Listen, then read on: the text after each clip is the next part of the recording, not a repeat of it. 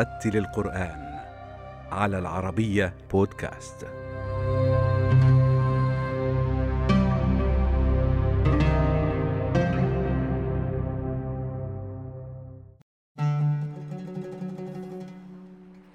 ولد القارئ الدكتور محسن عرفة في إحدى قرى محافظة البحيرة المصرية وفي كتاتيبها حفظ القرآن الكريم قبل التحاقه بمعهد القراءات بالأزهر الشريف.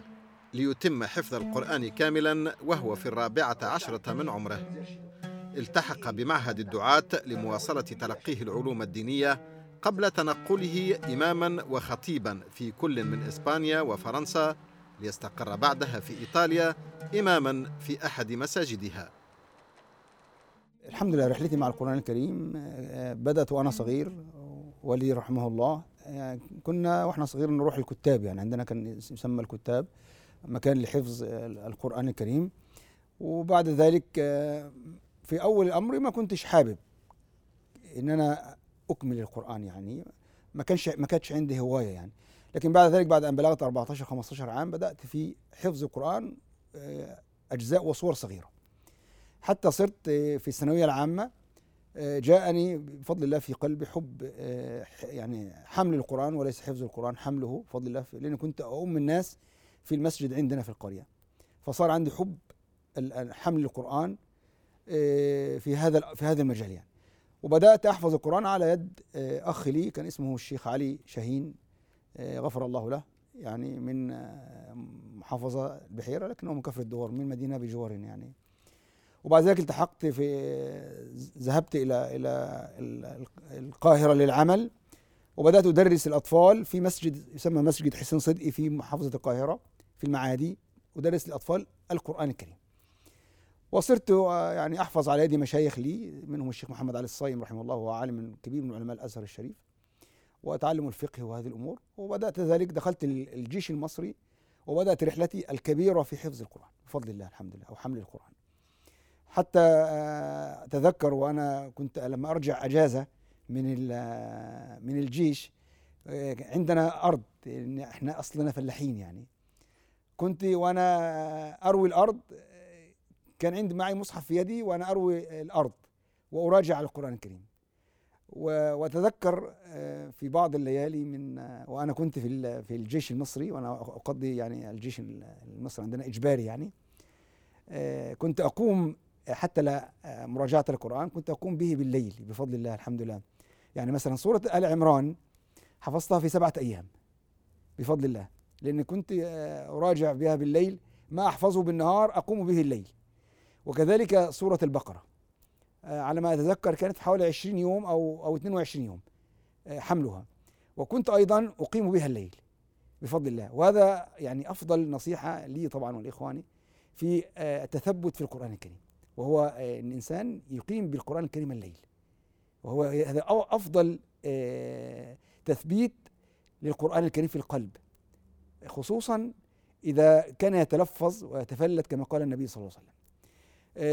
ثم بعد ذلك أتيت إلى إلى هون في في روما في التسعينات 91 آخر 91 بدأنا بفضل الله الحمد لله برضو أيضا في الدراسة الدراسات الإسلامية و ورسالة الماجستير والدكتوراه وهذه كلها. وأنا أعمل إمام وخطيب لمسجد في أوستيا وليس هون يعني. مسجد أوستيا كان يسمى مسجد نور الإسلام. بدأناها نحن ومجموعة من الإخوة الكرام في وضع لبنة حجر الأساس واللبنة الأولى في هذا المسجد في التسعينات. ثم بعد ذلك أتيت إلى هنا إلى المسجد الذي نحن فيه الآن في لورنتينا منطقة لورنتينا في روما. وبفضل الله قمنا بفضل الله الحمد لله ببداية بمسجد صغير كان بالإيجار والآن بفضل الله المسجد الذي ترونه الآن هو ملك للمسلمين بفضل الله الحمد لله. وتم شراؤه وتجهيزه على على ما يرام. وأنا الخطيب في هذا الجامع بل أستاذ في الجامعة في جامعة القاهرة. وعندنا حتى فرع للجامعة مفتوح في المسجد هون. وأستاذ للجامعة أيضا في جامعة بروكسل الإسلامية. هو العملية امتزاج بين الحب وبين العمل. حينما تحب شيء تصنع فيه كل أو الله عز وجل يوفقك لأن تصنع فيه المعجزات. بفضل الله الحمد لله كل القراء التي قرأت على أيديهم أو تعلمت منهم سواء كان صغيرا أو كبيرا كل عنده إضافة أضافت إلى إلى محسن يعني إضافة كبيرة. آخرهم الشيخ عبد الرازق الدليمي ومجمع الشارقة في في دبي في الشارقة نعم. آه، كلهم ما شاء الله أفاضل وكرام. آه، كنت بالليل يعني لا أخفيك سرا في المذاكرة في الشغل الأكاديمي أحيانا كنت أجلس بالست ساعات بعد صلاة العشاء. أنام مثلا الساعة الواحدة والعشاء في الشتاء هنا تؤذن مثلا الساعة السابعة. في آه، مكث ودراسة لبعض الأمور سواء كان الفقهية أو الأمور ال- في الدراسات الإسلامية وطريقة الدعوة وطريقة تعامل المسلمين مع غير المسلمين. من جانب الأخلاق والمعاملات والعقيدة. آه، كل هذا كان يحتاج إلى وقت ويحتاج إلى بعض الحكمة بفضل الله. آه، يعني آه، ولا أخفيك أيضا سر أيضا محسن اليوم ليس محسن الأمس. والإنسان صغير يبقى عنده حماسة شديدة. ربما لا أحيانا لا يقف عند الأحكام بطريقة فيها حكمة. فدائما يحصل عند الشباب دائما سرعة و- وتسرع حتى في في إصدار بعض الأحكام وهذا كان خطأ يعني أدعو إخواني من الشباب المتحمسين ألا يقعوا فيه. أنا بعد تقريبا أنا عندي 53 عام. بفضل الله الحمد لله ممكن الآن آه، تجاوزت الأربعين عام وأنا بفضل الله في الدعوة إلى الله عز وجل. الحمد لله. آه، لكن بعض النقاط كنت أتكلم فيها وأنا صغير. الآن أشعر بخجل من الكلام فيها. ربما لعدم الوعي الكامل ربما لعدم الإدراك الكامل ربما لعدم آه، البلوغ آه، الأدلة كاملة في بعض المسائل الفقهية في الأصول والفروع وغيرها. ربما لعدم تحقيق مناط الدليل في بعض الأمور. كل هذه أمور آه، لما أنظر إلى الخلف إلى خلفي وأنا صغير أخجل كيف صنعت هذا لكن هذه هي مرحلة لابد من الإنسان أن يعني يمر بها. آه، تأثرت من القراء آه، خصوصا المصريين بصفتي أنا مصري يعني أولا بالشيخ محمود علي البنا رحمه الله. يعني آه، يعني أستشعر من قراءته الإخلاص والخشوع. وأشعر من قراءة الشيخ محمود علي البنا رحمه الله الحب الذي الإنسان إذا حب شيء كما قلت لك يعني ربنا سبحانه وتعالى يوفقه في أن يعجز فيه. ثم بعد ذلك آه، الشيخ المحسني محمود بن علي المحسني من السعودية آه، لأن قراءته فيها خشوع ربما أعلى وإن كانت قراءته حرد سريعة. بسم الله الرحمن الرحيم. إن هذا القرآن يهدي للتي هي أقوم ويبشر المؤمنين الذين يعملون الصالحات أن لهم أجرا كبيرا وأن الذين لا يؤمنون بالآخرة أعتدنا لهم عذابا أليما. ويدعو الإنسان بالشر دعاءه بالخير وكان الإنسان عجولا. وجعلنا الليل والنهار آيتين. فمحونا آية الليل وجعلنا آية النهار مبصرة. آية النهار مبصرة لتبتغوا فضلا من ربكم ولتعلموا عدد السنين والحساب. وكل شيء فصلناه تفصيلا. وكل إنسان ألزمناه طائره في عنقه ونخرج له يوم القيامة كتابا يلقاه منشورا. اقرأ كتابك اقرأ كتابك كفى بنفسك اليوم عليك حسيبا. من اهتدى فإنما يهتدي لنفسه. ومن ضل فإنما يضل عليها. ولا تزر وازرة وزر أخرى. وما كنا معذبين حتى نبعث رسولا.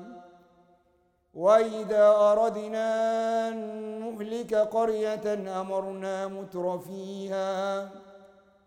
أمرنا متر فيها ففسقوا فيها فحق عليها القول فحق عليها القول فدمرناها تدميرا.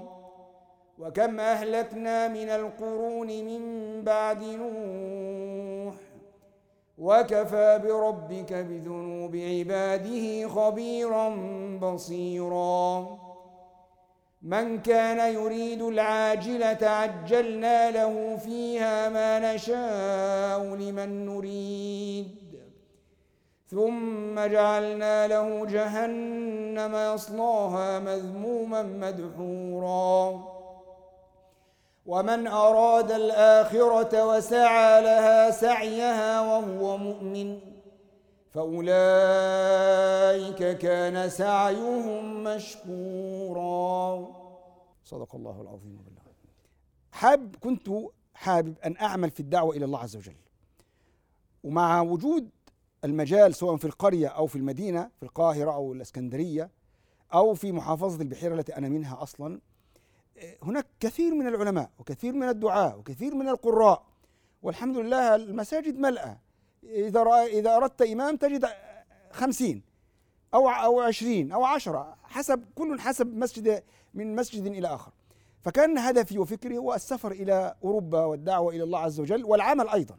ليس فقط الدعوة لأني أكون يعني أكذب إذا كنت ليس فقط الدعوة لكن الاثنين معا. كما قال النبي صلى الله عليه وسلم من أراد الدنيا فعليه بالقرآن ومن أراد الآخرة فعليه بالقرآن ومن أرادهما معا فعليه بالقرآن. فأردت بفضل الله أن أستخدم هذا الفكر في الدعوة إلى الله ومنها تحسين الوضع الاجتماعي والمعيشي بالنسبة لشخص فأنا نحن كنا من أسرة فقيرة. بفضل الله الحمد لله. وفي مصر وأنا في مصر قبل السفر صليت استخارات كثيرة. ما من كل ما أسمعه عن أوروبا وأن هناك انحلال فكري وفي المجتمع وليس هناك نظرية اللادين والإسلام فوبيا محاربة الإسلام. كنت خائف الأمانة.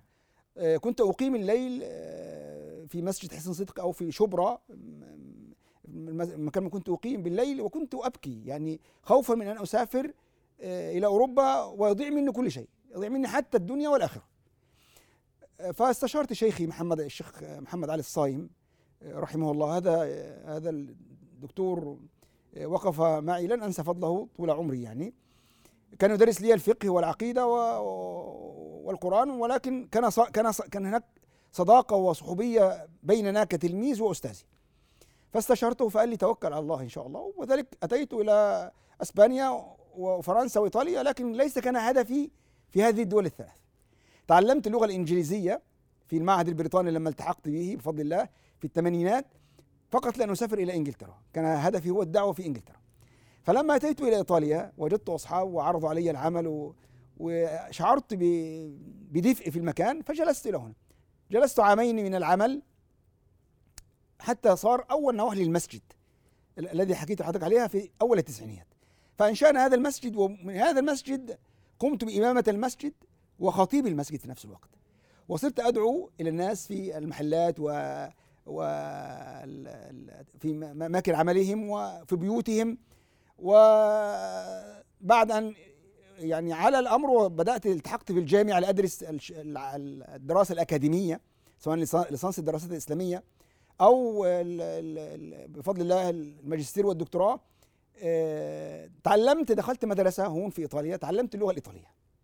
وصرت أخرج في في التلفزيون الإيطالي أتكلم عن الأجانب ووضع الإسلام في إيطاليا.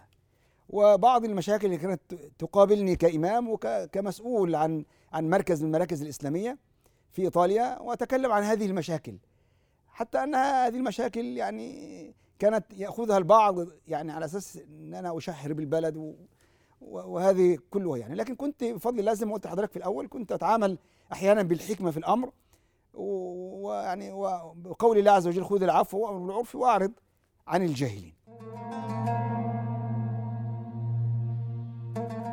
تجربة القارئ محسن عرفة في التعامل مع الجاليات المسلمة في الدول الغربية ساعدته على نيل درجة الدكتوراه حول المراكز الإسلامية في إيطاليا التي يلم بجميع مشاكلها وما يعانيه أبناء الجاليات المسلمة خاصة في إيطاليا التي تواجه موجات متواصلة من الهجرة غير النظامية وهو ما يعقد الاندماج في المجتمع الإيطالي ويعمق من هشاشة وضع الجالية. أن ينعزل المسلم خصوصا في أوروبا عن المحيط الذي يعيش فيه فيصير منعزل في بيته في عمله في مدرسته لا يحتك بالناس ولا يتعلم من الناس هذا خطأ. أو أن يذوب المسلم في المجتمع فيصير بلا هوية لا هوية دينية ولا هوية إسلامية ولا هوية عربية ولا أي هوية كان. فأولاده لا يتعلمون اللغة العربية ولا يتعلمون القرآن ولا يذهبون إلى المساجد. هذا انحلال. لكن إذا أردنا أن نرجع إلى فقه الأولويات وأن الفتوى تتغير حسب الزمان والمكان وأن ربما جاءتك جاءك دليل وغاب عنك وغابت عنك أدلة ربما آتاك مناط دليل وغاب عنك أشياء ربما نسخ الحكم وأنت لا تدري. هذا كله أحكام. ربما غاب عنك فهم الدليل. الدليل موجود لكنه لا لا, لا نفهمه. وهذا حتى من الشريعة حتى من من هدي النبي صلى الله عليه وسلم. لنعلم أن الاختلاف سائغ بين الأمة وأن الاختلاف هو أمر الله عز وجل في خلقه. ولو شاء ربك لجعل الناس أمة واحدة ولا يزالون مختلفين إلا ما رحم ربك ولذلك خلقهم. والنبي صلى الله عليه وسلم في في غزوة بدر انظر إلى الفقه. كيف وهو رسول الله صلى الله عليه وسلم؟ وهو الذي يوحى إليه هو الذي الذي عصمه رب الأرض والسماوات.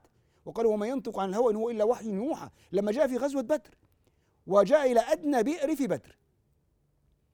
وجاء الحباب بن المنذر قال له يا رسول الله صلى الله عليه وسلم أهذا منزل أنزلك الله إياه؟ فلا يجوز لنا أن نتقدم أو نتأخر هو وحي يعني؟ فقط إذا كان وحي لا نتكلم. أم هو الرأي والحرب والمكيدة؟ قال له لا هو مش وحي. هو الرأي والحرب والمكيدة. قال له يا رسول الله ما أرى هذا بمنزل. انظر صحابي يخاطب النبي صلى الله عليه وسلم. ما أرى بهذا؟ قال له إيش ترى يا حباب؟ قال يا رسول الله أرى أن نذهب إلى أقصى البئر أبيار كثيرة في بدر. هو النبي جعل الأبيار كلها أمامه. قال له لا إحنا نروح عند آخر بئر ونردم الأبيار الثانية ونضع هذا البئر خلفنا فنشرب ولا يشربون. فقال له النبي صلى الله عليه وسلم نعم الرأي وأصبت هذا هو الشورى في الإسلام. الذي أمر الله عز وجل به النبي صلى الله عليه وسلم. وشاورهم في الأمر. فإذا عزمت فتوكل على الله.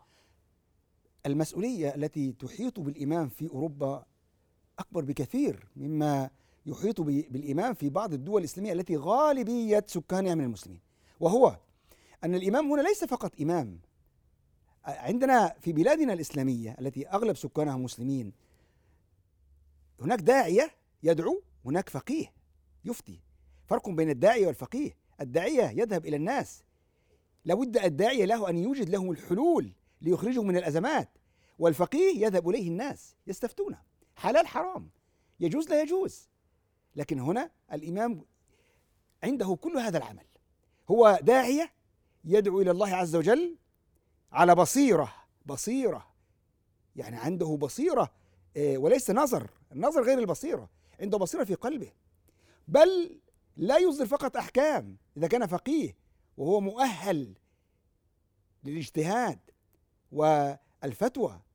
إذا كان مؤهل يفتي وإذا كان غير مؤهل لا يفتي. لكن عنده واجب إذا كان مؤهل أن يجد للناس مخرج أن يجد للناس يقيم لهم يقيم عليهم الفتوى ويجد لهم مخرج من هذه الفتوى. ليس مخرج في الحرام. أقصد يعني أن يجد لهم مخارج كما قال النبي صلى الله عليه وسلم في حديث أم المؤمنين عائشة رضي الله عنها.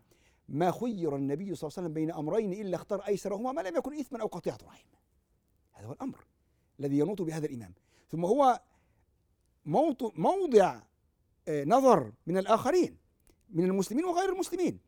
وكلامه هو يكون حجة وعلى ركن من أركان الإسلام. فليحذر ألا يضيع هذا هذا الركن وهذا الإسلام. رمضان هو شهر القرآن. والذي أنزل الله عز وجل فيه كتاب الله كتابه سبحانه وتعالى. في ليلة القدر كما قال سبحانه وتعالى إن أنزلناه في ليلة القدر. أجواء رمضان بكل أمانة وأقولها يعني بكل تواضع وفخر أن كإمام وكمسلم قبل أن أكون إمام أشعر بحلاوة رمضان في أوروبا هنا أكثر مما أشعر به في بلادي في مصر. لماذا؟ لأن هنا السخط واللغط ليس بكثير على المسلمين خصوصا في شهر رمضان.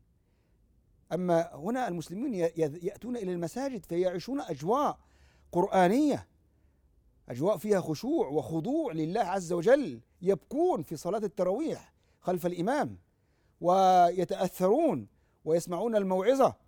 ونحن منذ أكثر من 26 27 عام في رمضان نختم كل شهر في رمضان ال ال ال القرآن إما ليلة 29 وإما ليلة 27 كل يوم نصلي بجزء أو جزء وشيء وفي العشر الأواخر من شهر رمضان نعتكف ونصلي صلاة التهجد هذا غير ميسر حتى للمسلم في بلاده لكن بفضل الله نحن هنا نقيمه وهذا آه، يعني ما نشكر به السلطات هنا في في في إيطاليا على أنهم يسمحون لنا بإقامة مثل هذه الشعائر بهذه الحرية.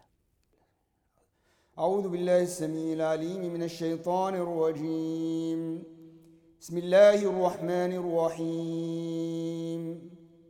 الحاقه ما الحاقه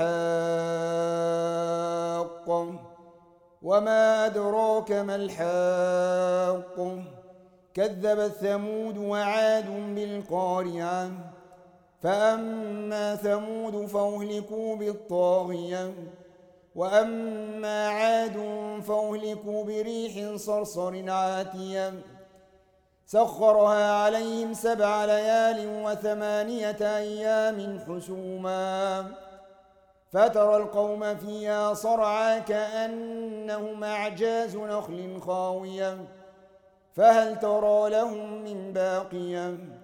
وجاء فرعون ومن قبله والمؤتفكات بالخاطئة فعصوا رسول ربهم فأخذهم أخذة رابية.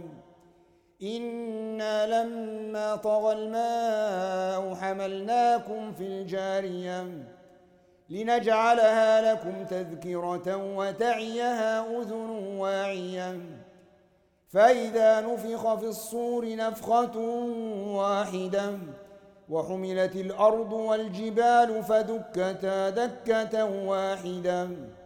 فيومئذ وقعت الواقعة وانشقت السماء فهي يومئذ واهية والملك على أرجائها ويحمل عرش ربك فوقهم يومئذ ثمانية يومئذ تعرضون. تعرضون لا تخفى منكم خافية. فأما من أوتي كتابه بيمينه فيقول هاؤم اقرءوا كتابيا إني ظننت أني ملاق حسابيا فهو في عيشة راضية. في جنة عالية قطوفها دانية. كلوا واشربوا هنيئا. كلوا واشربوا هنيئا بما أسلفتم في الأيام الخالية.